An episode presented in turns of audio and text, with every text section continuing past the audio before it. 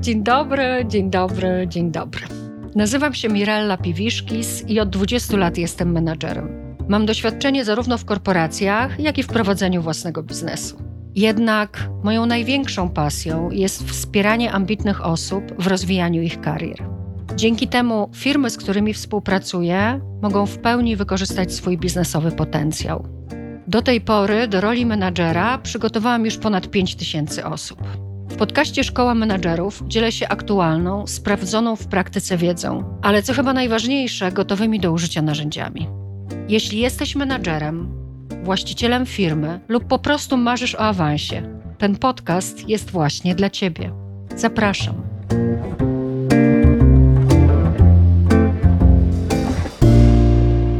Dzisiaj chciałabym Wam e, opowiedzieć kilka słów, a może trochę więcej na temat pokoleń, ponieważ po raz pierwszy w ogóle w historii od 2016 roku mamy na rynku pracy cztery pokolenia. Są nawet takie miejsca pracy, gdzie jest nawet pięć pokoleń. I e, no nie ukrywam, i właściwie nikt z moich klientów nie ukrywa, że jest to duże wyzwanie. Szczególnie menadżerowie, którzy reprezentują pokolenie X, pokolenie baby boomersów i wczesnych Y, no mają bardzo duże wyzwanie z wchodzącym na rynek pokoleniem Z, które póki co jest najsłabiej reprezentowane na rynku pracy, ale według LinkedIna w 2025 to już będzie 27% osób aktywnych zawodowo. Także chcę Wam dzisiaj opowiedzieć o pokoleniach, trochę rozwiać pewne stereotypowe przekonania, pomóc Wam zrozumieć specyfikę pokoleń, a przede wszystkim wykorzystać potencjał zespołów multigeneracyjnych, jak i przedstawicieli poszczególnych pokoleń. Mam nadzieję, że będzie to dla Was przydatne i ciekawe. Zapraszam.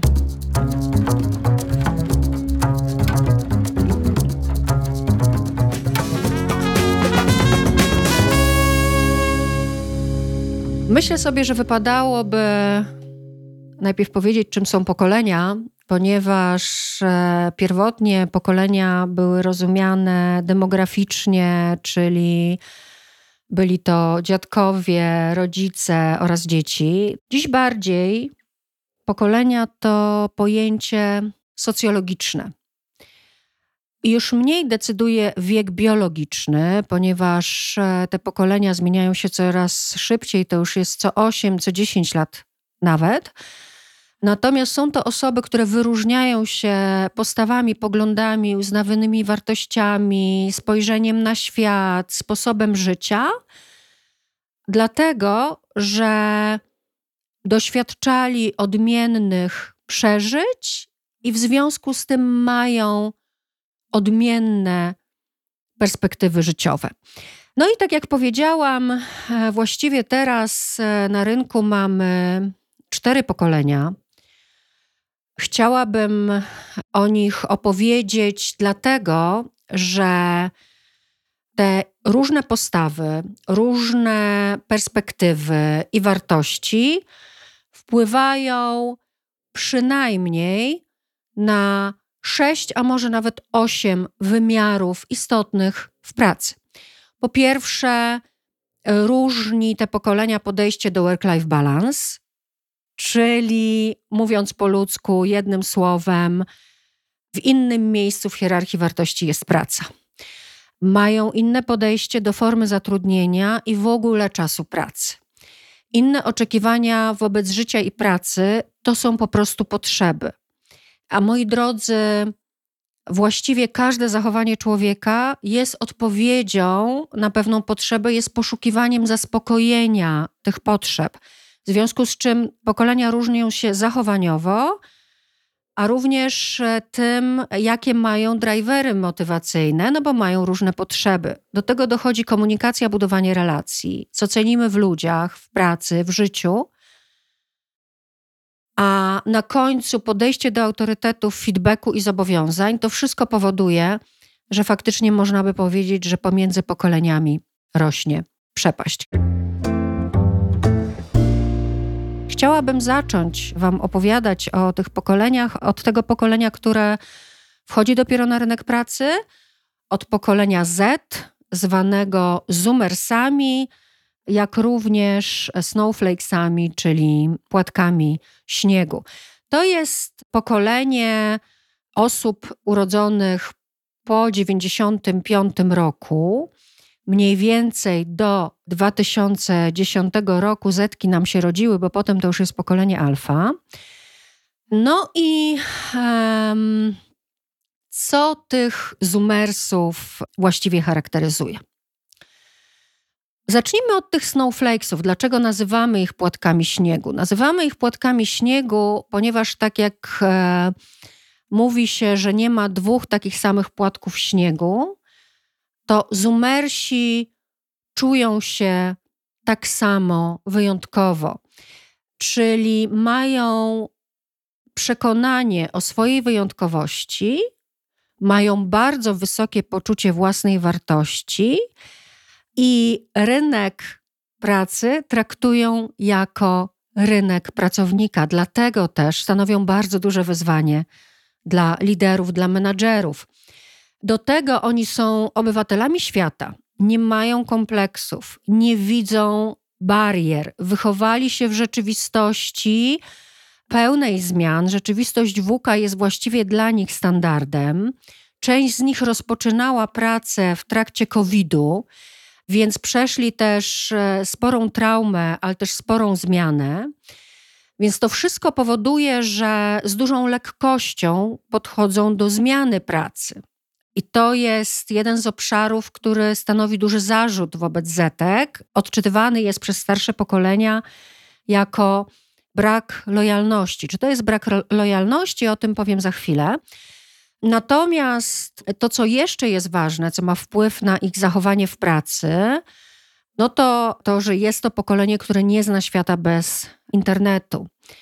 W związku z czym ich życie społeczne oraz ich życie prywatne odbywa się stale w internecie.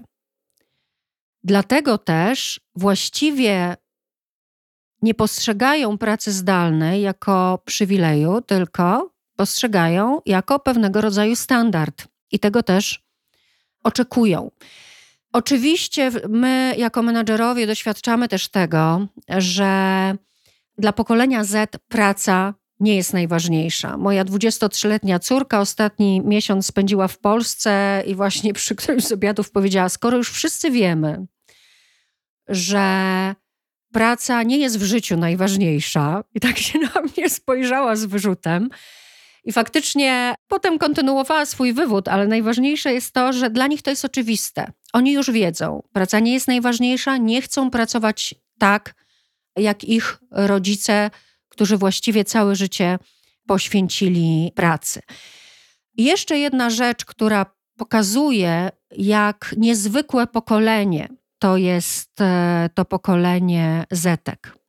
To jest pokolenie, dla którego pieniądze nie są najważniejsze. Charakteryzuje ich bardzo wysoki poziom wrażliwości społecznej, wiedzy dotyczącej globalnych problemów, e, oczywiście zmian klimatycznych, niezwykle wrażliwi na dyskryminację mniejszości. I spójrzcie, co się dzieje. Nie ma obecnie korporacji, dużej firmy, która nie prowadziłaby działań CSR-owych. Nie ma korporacji, w której nie byłoby diversity and inclusion. A skąd się to wzięło? Wzięło się to z pokolenia Z. To młode pokolenie, będąc jeszcze w szkole, miało czy ma tak silną ideologię i tak wielki wpływ że zmieniło gospodarkę, czyli to pokolenie i ich idee zmieniły gospodarkę, zmieniły rynek pracy, kiedy jeszcze ci ludzie byli w szkole. Oni są źródłem tych gigantycznych zmian. Powiedziałam, że pieniądze nie są dla nich najważniejsze, ale jednak okazuje się, badania pokazują, że prawie 80% Zumersów boi się o stabilność finansową i uważa, że będą musieli pracować ciężej niż inne pokolenia. Żeby móc utrzymać życie na takim satysfakcjonującym poziomie. Tymczasem menadżerowie i starsze pokolenia generalnie postrzegają tych ludzi jako roszczeniowych dyletantów, czyli osoby, które są niekompetentne, co więcej, niechętnie zdobywające nowe umiejętności, a do tego jesteśmy przekonani, że oni mają komfortową sytuację na rynku pracy. Jak do tego dołożymy jeszcze przekonanie o ich lenistwie, braku lojalności i niecierpliwości, no to faktycznie mamy do czynienia z bardzo krzywdzącym podejściem do płatków śniegu. Jaka jest prawda? Moi drodzy, jest to bardzo zdywersyfikowana grupa młodych ludzi. Tylko 19% tych osób, nazywamy ich bystanderami, to są ludzie, którzy zrezygnowaliby z pracy, gdyby pracować nie musieli. Dla nich pasje i relacje są priorytetem, a praca jest pewnego rodzaju koniecznością. Natomiast obok bystanderów są jeszcze fast trackerzy, czyli osoby nastawione faktycznie na bardzo szybki sukces, na bardzo szybki awans społeczny oraz finansowy, natomiast są gotowi do tego, żeby ciężko pracować, czyli poświęcić część życia prywatnego na to, żeby szybko odnieść sukces. To jest 20% tego pokolenia. A pozostałe 61% to są tak zwani allroundersi oraz igerbiversi. To nieważne.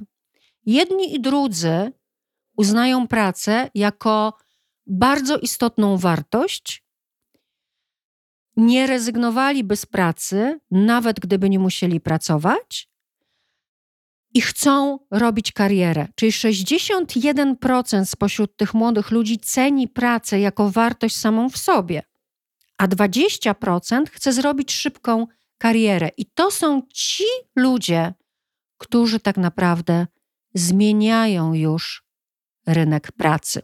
Bardzo często słyszę, szczególnie w branżach IT, w branży gamingowej, w branży medialnej, od menadżerów wielkie rozczarowanie pokoleniem Z. Mówią, że oni przychodzą do pracy na etat tylko po to, żeby nabrać doświadczenia, żeby od starszych pokoleń nabyć know-how, ale ich celem jest odejść i założyć swój własny biznes. W związku z czym przekonanie menadżerów o tym, że nie warto inwestować, nie warto dzielić się tym know-how, nie warto ich rozwijać. Trzeba po prostu ich cisnąć, wycisnąć jak cytryny, bo i tak odejdą. Czyli wykorzystać ich potencjał przez te 2-3 lata, nie inwestując za bardzo. No moi drodzy, samo spełniające się proroctwo. Więc od razu wyjaśniam, co się dzieje. Tak, rośnie nam pokolenie tak zwanych gig workersów, czyli ludzi, którzy chcą być niezależnym specjalistą, freelancerem, prowadzić własną działalność gospodarczą, nie mieć jednego pracodawcy, ale kilku pracodawców i zachować elastyczność miejsca i czasu pracy. I to jest tendencja, która się nie zmieni.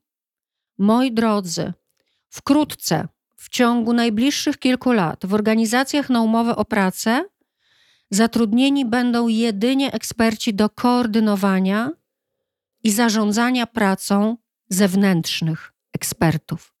I teraz, czy to oznacza, że nie należy inwestować w te młode pokolenia? Wręcz przeciwnie.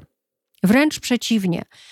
Należy dać im jak najlepsze know-how. Należy poprzez szkolenia, mentoring, a przede wszystkim training on the job, czyli realizację odpowiedzialnych zadań, i dużych projektów, poprzez to stworzyć z nich naprawdę najlepszych ekspertów, ale również zbudować z nimi więź, dzięki której po odejściu, bo umówmy się, oni odejdą, ale po odejściu, dzięki tej więzi i ich eksperckości, będziecie mieć fantastycznych, lojalnych ekspertów, którzy będą Wam dostarczać pracy najwyższej jakości. Jeżeli nie będziecie w nich inwestować, a będziecie tylko stosować presję na ich efektywność, odejdą szybciej, z pewnością jako zewnętrzni dostawcy do Was nie wrócą.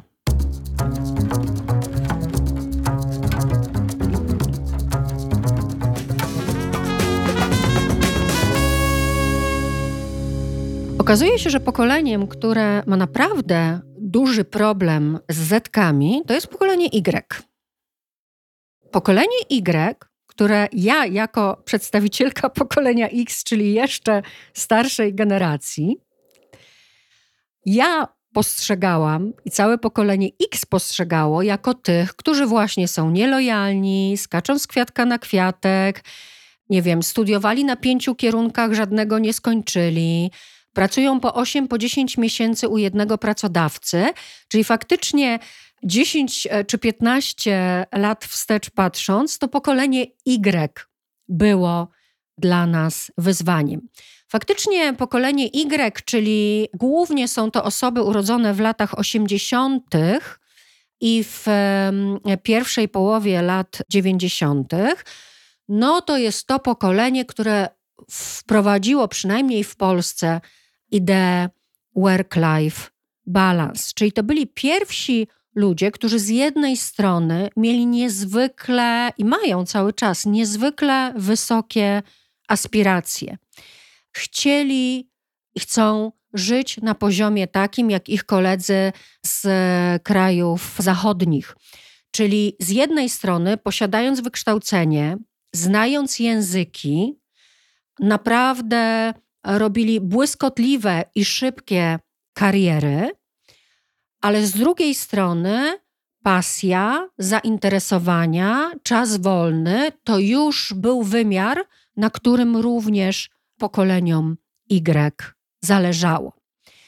I było to do pewnego momentu pokolenie, które faktycznie też nie było lojalne, często zmieniało pracę i poszukiwało nowych możliwości u innych pracodawców. Natomiast to się zmienia. Pokolenie Y to dzisiaj są 30, a nawet 45-latkowie.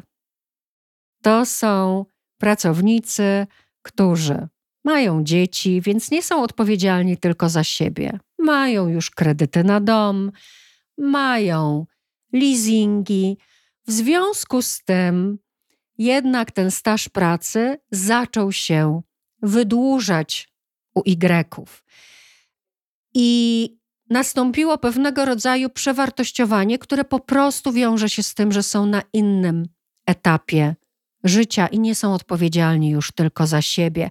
I tutaj na chwilę wrócę do pokolenia Z, żebyśmy się zastanowili, czy to faktycznie jest tak, że tylko inne wartości i brak lojalności jest cechą pokoleniową, czy też jednak jest to związane z tym, że nadal to są młodzi ludzie, którzy chcą się dalej bawić. Ja, reprezentantka pokolenia X, mam nadzieję, że mój były pracodawca tego nie słyszy, ale też, będąc bardzo młodą, potrafiłam przyjść do pracy na gigantycznym kacu albo wyskoczyć sobie na grzyby, ponieważ moja pierwsza firma, w której pracowałam, byłam zresztą menadżerem, była przy lesie. Więc moi drodzy, to też wszystko zależy od tego, na jakim etapie życia jesteśmy. Wracając do pokolenia Y, czyli pokolenia milenialsów. Ta idea work-life balansu nabrała dla nich pod wpływem pandemii jeszcze innego wymiaru.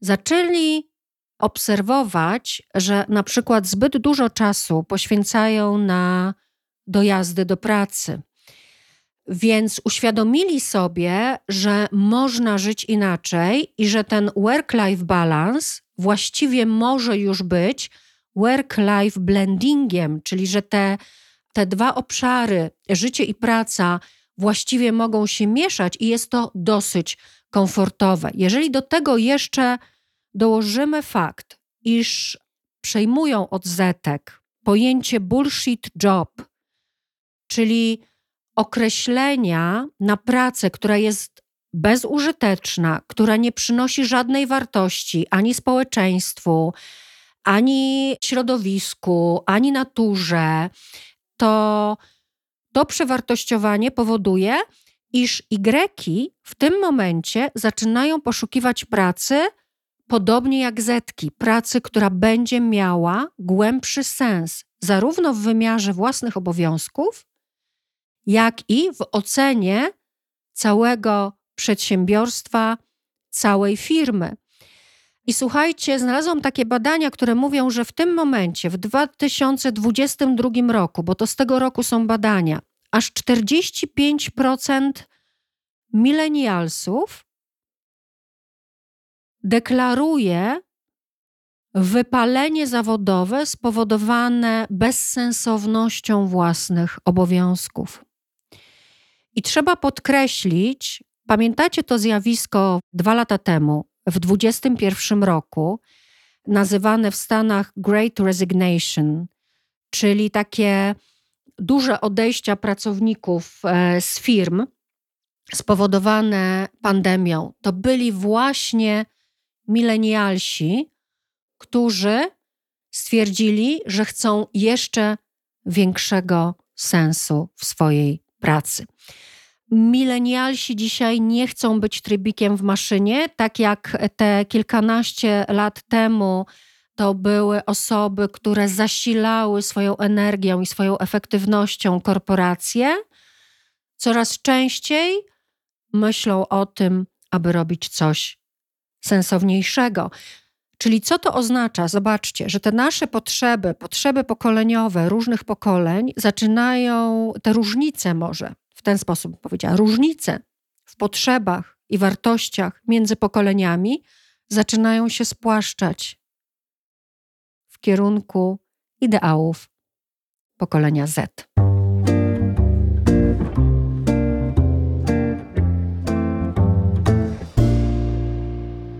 No i moi drodzy, przejdźmy do pokolenia X. Lata 70. i późne lata 60. Przedstawicieli sporo, na przykład Maciej Panek. Pokolenie, które w Polsce nazywane było straconym pokoleniem. Dlaczego? Dlatego, że wychowani w PRL-u, wychowani wśród pustych półek, doświadczyli również stanu wojennego, widzieli czołgi na ulicach i nagle przyszło im żyć w gospodarce kapitalistycznej, w gospodarce, gdzie jest e, konkurencja. I czy sobie poradzili? No moi drodzy, oczywiście, że tak. Pokolenie X to jest pokolenie najwięcej zarabiające na rynku pracy w Polsce obecnie i piastujące nadal najwyższe stanowiska pracy, czyli stanowiska menedżerskie średniego, wyższego szczebla, członkowie zarządów.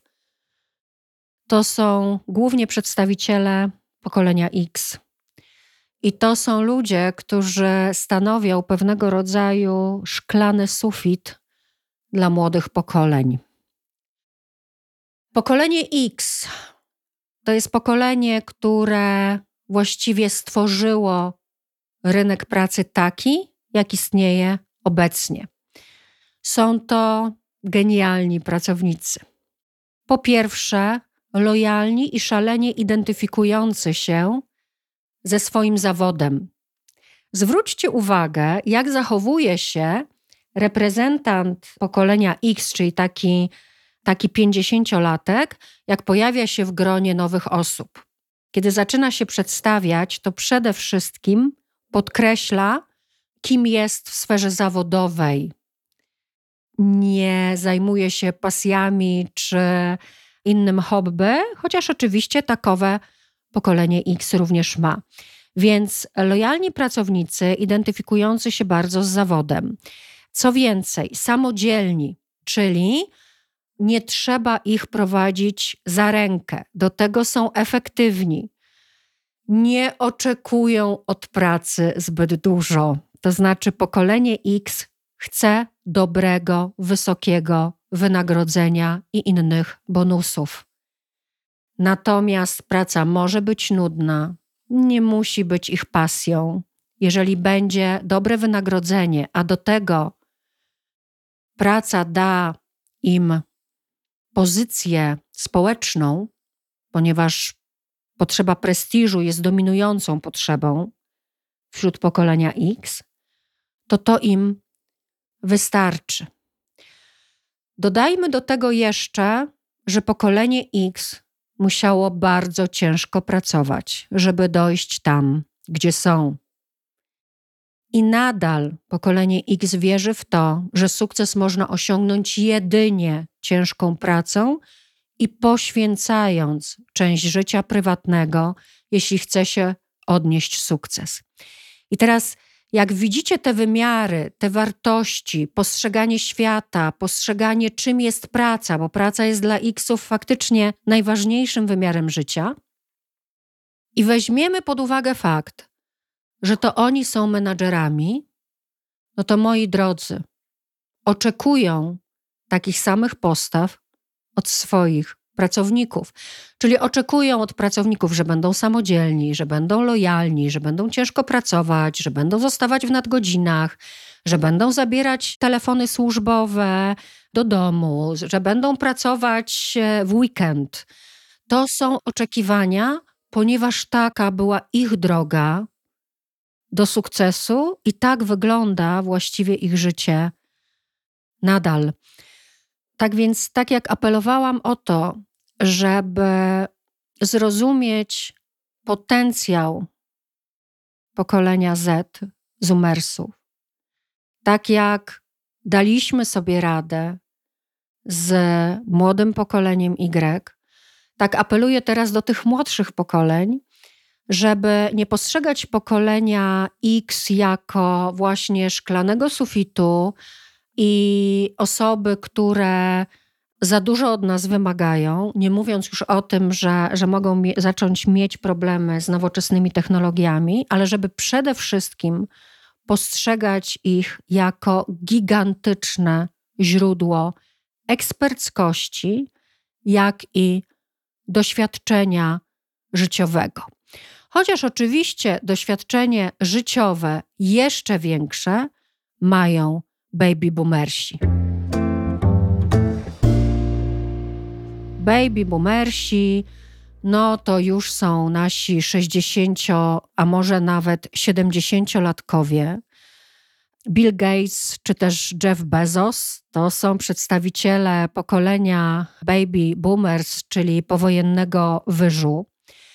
Przypisuje się im tradycjonalizm, konserwatyzm, ale również, podobnie jak e, pokolenie X, są to pracownicy bardzo oddani, bardzo lojalni, bardzo dokładni. Można powiedzieć, że jest to pokolenie, dla którego wyzwaniem jest feedback. Tak jak e, feedback jest koniecznością dla pokolenia Z, jest oczekiwany przez pokolenie Y. Pokolenie X zaczyna się uczyć tej kultury feedbacku, tak dla baby boomersów faktycznie feedback nadal no, może być przez nich odbierany jako atak. Przypisuje się baby boomersom również e, skłonność do pracoholizmu, czyli faktycznie praca jest najważniejsza. Chcę powiedzieć, że nie każda osoba, która dużo pracuje, jest pracocholikiem, ale faktycznie są to osoby, które poświęcają lwią część swojego życia na pracę. Może być to dla Was zaskoczeniem, ale badania pokazują, że dla baby boomersów nadal samorealizacja oraz rozwój jest bardzo ważny. Tymczasem dotyka ich tak zwane zjawisko ageizmu, ageizmu, nie wiem czy to mówić z angielska, czy spolszczyć. W każdym razie, jeżeli istnieje na rynku pracy pokolenie, które jest dyskryminowane, są to baby boomersi. Jeżeli otrzymujemy w reakcji na ogłoszenie o pracę CV kogoś 50 plus, 60 plus, to nie traktujemy tych osób poważnie. Dlaczego? Przede wszystkim dlatego, że mamy przekonanie, że mają gigantyczny opór wobec nowoczesnych technologii, nie chcą się uczyć i naprawdę trudno jest ich nauczyć. Ja nawet podsłuchałam dwóch panów z IT, jak ze sobą rozmawiali i mówili: No wiesz co, no próbowałem go tego nauczyć, ale to tak, jakbym coś tłumaczył swojej matce. I ten drugi już nie skomentował, wiadomo było, rozumie, rozumie o co chodzi. Są, słuchajcie, wobec tego dyskryminowani i chcę powiedzieć, że niesłusznie. Dlaczego? Głównie przez to, że mają nie do przecenienia doświadczenie życiowe. Doświadczenie w obszarze kompetencji miękkich i relacji interpersonalnych. Coś, co jest znowuż bardzo dużym wyzwaniem dla pokolenia Z, których też czasem się nazywa cyfrowymi nomadami. Tak? To są osoby, które społecznie nie są za bardzo zaradne. Baby boomersi przeżyli liczne kryzysy, doświadczyli śmierci bliskich osób, przeszli przez rozwody, mieli różnych szefów, musieli radzić sobie w sytuacji, gdy nic w sklepach nie było na półkach i współpracować ze sobą. Także ich kompetencje miękkie i umiejętność e, funkcjonowania w życiu społecznym wśród innych ludzi oraz nastawienie na współpracę i to, że wielką wartością dla baby boomersów jest dobra atmosfera w pracy, to wszystko powoduje, że warto mieć baby boomersa w swoim zespole. Co więcej, w ciągu dwóch najbliższych dekad ubędzie 4,5 miliona osób w wieku produkcyjnym, czyli w wieku między 20 a 49 lat, a przybędzie 1,5 miliona osób w wieku 50-59 lat. Czyli to mogą być ludzie, czyli te starsze pokolenia 50 plus, to będą ludzie, których warto będzie zatrudniać i wykorzystać ich doświadczenie zawodowe oraz doświadczenie życiowe.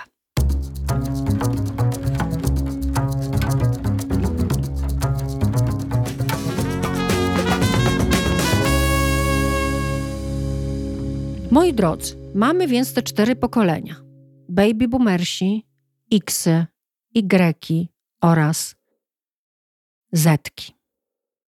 Co robić? Jakie mam dla Was rekomendacje?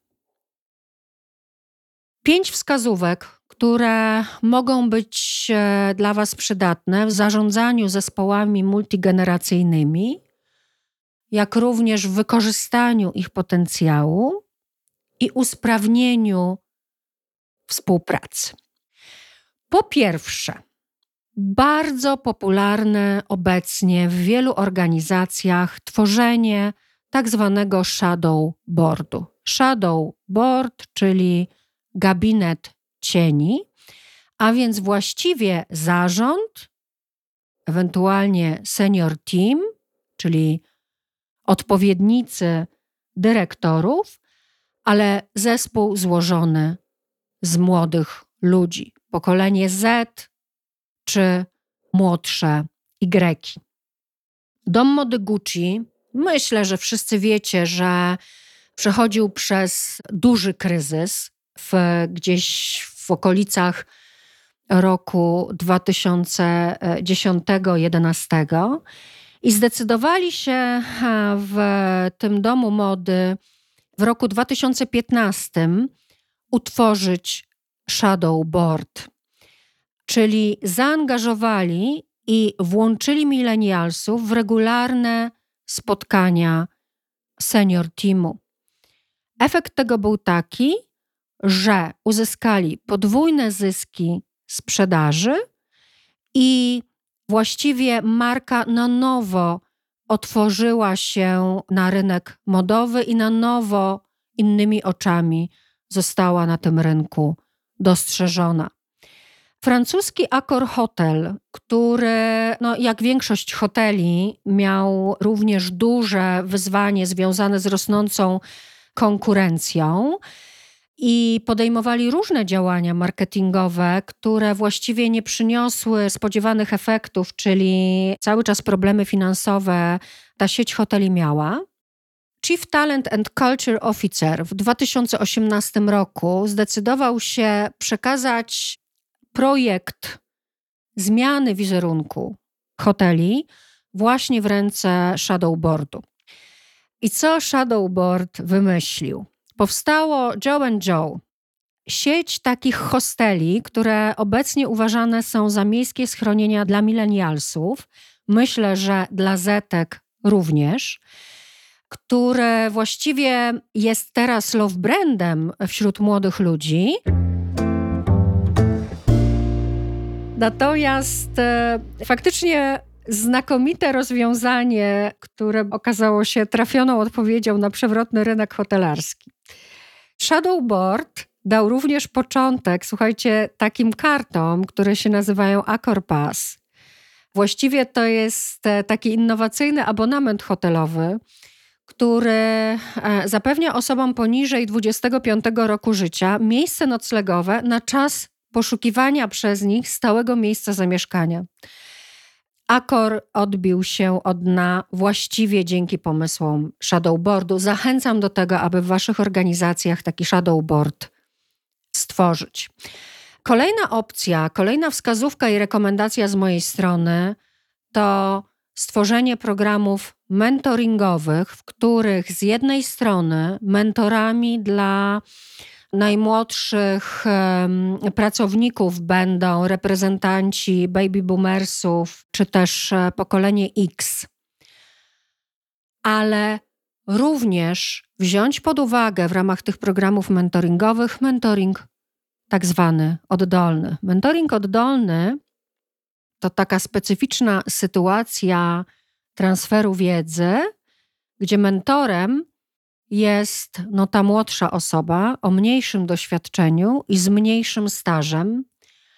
Menti natomiast to jest najczęściej menadżer, dyrektor, a może nawet członek zarządu. W tym miejscu polecam Wam, żebyście wrócili do genialnego filmu z De Niro, Intern, jego tytuł, gdzie właśnie De Niro wciela się w rolę stażysty z pokolenia baby boomers. Genialny film, który pokazuje, że w tej relacji właściwie większy opór wobec tego, żeby być mentorem, ma reprezentantka młodszego pokolenia.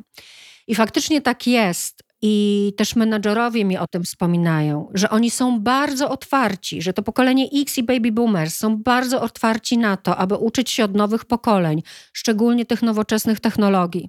Natomiast opór jest właśnie w pokoleniu Z i młodych milenialsów. Nie rozumieją sensu mentoringu oddolnego, czują się nieco skrępowani tym, że starszą osobę czegoś e, uczą więc e, mentoring oddolny faktycznie w organizacji warto po pierwsze uprocesowić, czyli zrobić to z głową, niech to będzie rozwiązanie systemowe, niech ludzie do tego projektu się zgłaszają sami. Trzeba im pomóc, e, też dać im narzędzia, w jaki sposób uczyć te starsze osoby. No i wyzwanie dla dyrektorów, dla kierowników, dla menadżerów w tym procesie, w trakcie sesji mentoringowych zapominacie o tym, że jesteście przełożonymi, czyli faktycznie wchodzicie w rolę, w rolę ucznia.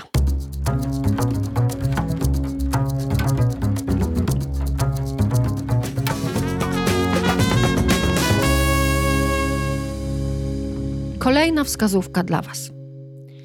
Przyzwyczailiśmy się właściwie już do tego, że prowadzi się mikrosegmentację w sprzedaży. Czyli personalizuje się ofertę nie tylko polegając na danych demograficznych, ale już na pewnych, powiedzmy, indywidualnych preferencjach i zachowaniach klientów.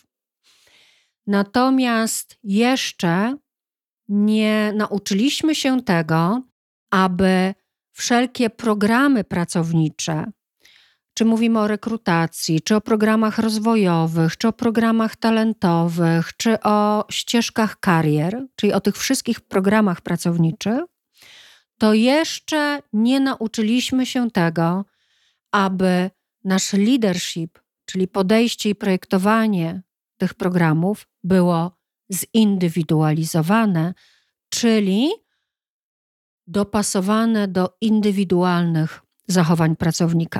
Nadal jest tak, że kiedy tworzymy takie programy, to bardziej opieramy się na danych demograficznych, czyli bierzemy pod uwagę oczywiście wiek, bierzemy pod uwagę staż pracy, bierzemy pod uwagę osobiste cechy demograficzne, takie jak płeć, czy też bierzemy pod uwagę dział specjalizację. Natomiast Deloitte w ostatnim swoim raporcie przewidział, że w perspektywie trzech lat programy pracownicze i leadership będzie bardziej dopasowany do postaw w miejscu pracy. Czyli do tego, czy pracownik jest typem kreatywnym, zadaniowym, czy ma cechy przywódcze.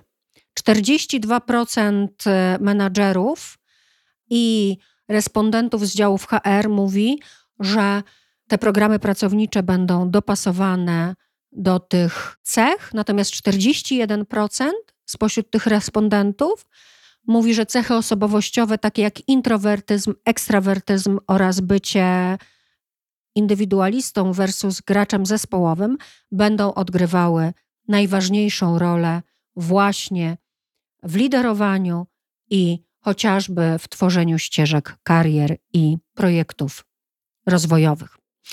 Także, moi drodzy, zindywidualizowane podejście oparte Insighta, MBTI'a, Extended Diska, Prisma, jakąkolwiek klasyfikację, która spowoduje, że będziecie mieli jeszcze bardziej zindywidualizowane podejście do swoich ludzi.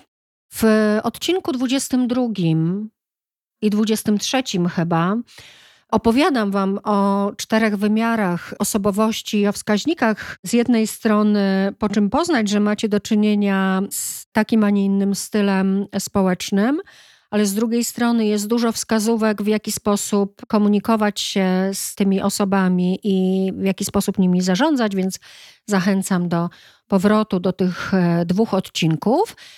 Tymczasem kolejna wskazówka dla Was, a dotyczy ponownie budowania kultury feedbacku. Wiem, że to może być męczące, ale moi drodzy, aż 72% osób, pracowników do 30 roku życia, chciałoby otrzymywać feedback codziennie, a ponad połowa twierdzi, że przez ostatnie pół roku nie otrzymała ani jednego feedbacku. A więc będę to mówić, dopóki badania się nie zmienią. Czyli jeżeli w kolejnych badaniach Deloitte, PWC albo jakichkolwiek innych ilość osób, które nie są feedbackowane się zmniejszy, przestanę Wam mówić o budowaniu kultury feedbacku. Tymczasem budujcie kulturę feedbacku. Feedbacku nie tylko pracowniczego góra-dół, ale peer-to-peer feedbacku, czyli informacji zwrotnej w ramach zespołu, jak również feedbacku oddolnego. Otwierajcie się na ten feedback, menadżerowie, proście o ten feedback. To jest wielki dar, dzięki któremu wasz zespół może być zbudowany z jednej strony o zaufanie, a z drugiej strony naprawdę dużo bardziej efektywny. No i w końcu chciałam Wam opowiedzieć o panu, który nazywa się Bob Langer. To jest profesor MIT, który ma na swoim koncie ponad 1100 patentów i złożonych wniosków patentowych. Nazywa się go Edisonem medycyny. No i słuchajcie, w jaki sposób on osiąga te sukcesy. O tym pisał w Harvard Business Review. Przypomnę, bo opowiadałam to też w poprzednich odcinkach. Największym wrogiem innowacji jest wysoka specjalizacja, czyli doświadczeni pracownicy. Najlepszym źródłem innowacji, czyli najlepszą grupą, która generuje pomysły, która pracuje burzami mózgów, to jest grupa jak najbardziej zróżnicowana. I on właśnie dopuszcza do swoich grup roboczych, które pracują burzami mózgów, najmłodsze pokolenia. Dopuszcza studentów, ale zaprasza również częściowo ekspertów. I on pisze, że z każdej generacji wydobywa jej esencję, czyli z jednej strony zaprasza uznanych naukowców, którzy mają ogromną wiedzę i doświadczenie, a z drugiej strony zaprasza studentów, którzy mają energię, szalone pomysły i przede wszystkim podkreśla to, że nie wiedzą, że się nie da. I dzięki temu, łącząc właściwie te dwa z pozoru odmienne światy, na przestrzeni ostatnich lat z powodzeniem udaje mu się tworzyć i wdrażać właściwie przełomowe innowacje. I on też zwraca na jedną rzecz uwagę, że młode pokolenie kwestionuje wszystko, co zastało, zadaje bardzo dużo pytań, które, jeżeli chcemy zareagować oporem, możemy odbierać jako inwazyjne, bezczelne, atakujące. Odwróćmy to spojrzenie, bo Planger mówi: kto pyta, nie błądzi. Myślenie pytaniami jest drogą do innowacji. Kwestionowanie stanu zastanego. Pamiętacie rewolucjonizowanie, takie narzędzie, o którym Wam opowiadałam w którymś z odcinków? To jest droga do innowacji. Pytania, które zadaje młode pokolenie, bo Planger nazywa stałą stymulacją dla własnego mózgu. Moi drodzy, mam nadzieję, że ten e, podcast e, był dla Was przydatny. Chciałabym po pierwsze, żebyście trochę jak z tą szklanką. Nie patrzyli na tę szklankę jako do, do połowy pustą, czyli jakie deficyty mają poszczególne pokolenia, ale żebyście dostrzegali, jaki wnoszą potencjał, a właściwie każde z tych pokoleń ma swój specyficzny potencjał, specyficzne doświadczenie i trzeba wykorzystywać je. Angażujcie ludzi w pracę nad projektami innowacyjnymi w zespołach multigeneracyjnych. A poza tym bardzo ważnym jest, aby pracownicy w różnorodnych zespołach stale identyfikowali i komunikowali sobie wzajemnie wspólne cele, wspólne priorytety i wspólne wartości, które właściwie zawsze wykraczają poza różnice i umożliwiają budowanie relacji i efektywną współpracę. To właśnie w Wikinomii już w 2006 roku Tapscott i Williams przewidzieli, czyli globalna współpraca ponad wszelkimi podziałami, w tym podziałami pokoleniowymi. Dziękuję Wam bardzo. Jak zwykle zapraszam na mirellapiwiszkis.com ukośnik 30. Ukośnik 30 to już 30 odcinek. Tam znajdziecie notatki do odcinka i do usłyszenia za tydzień.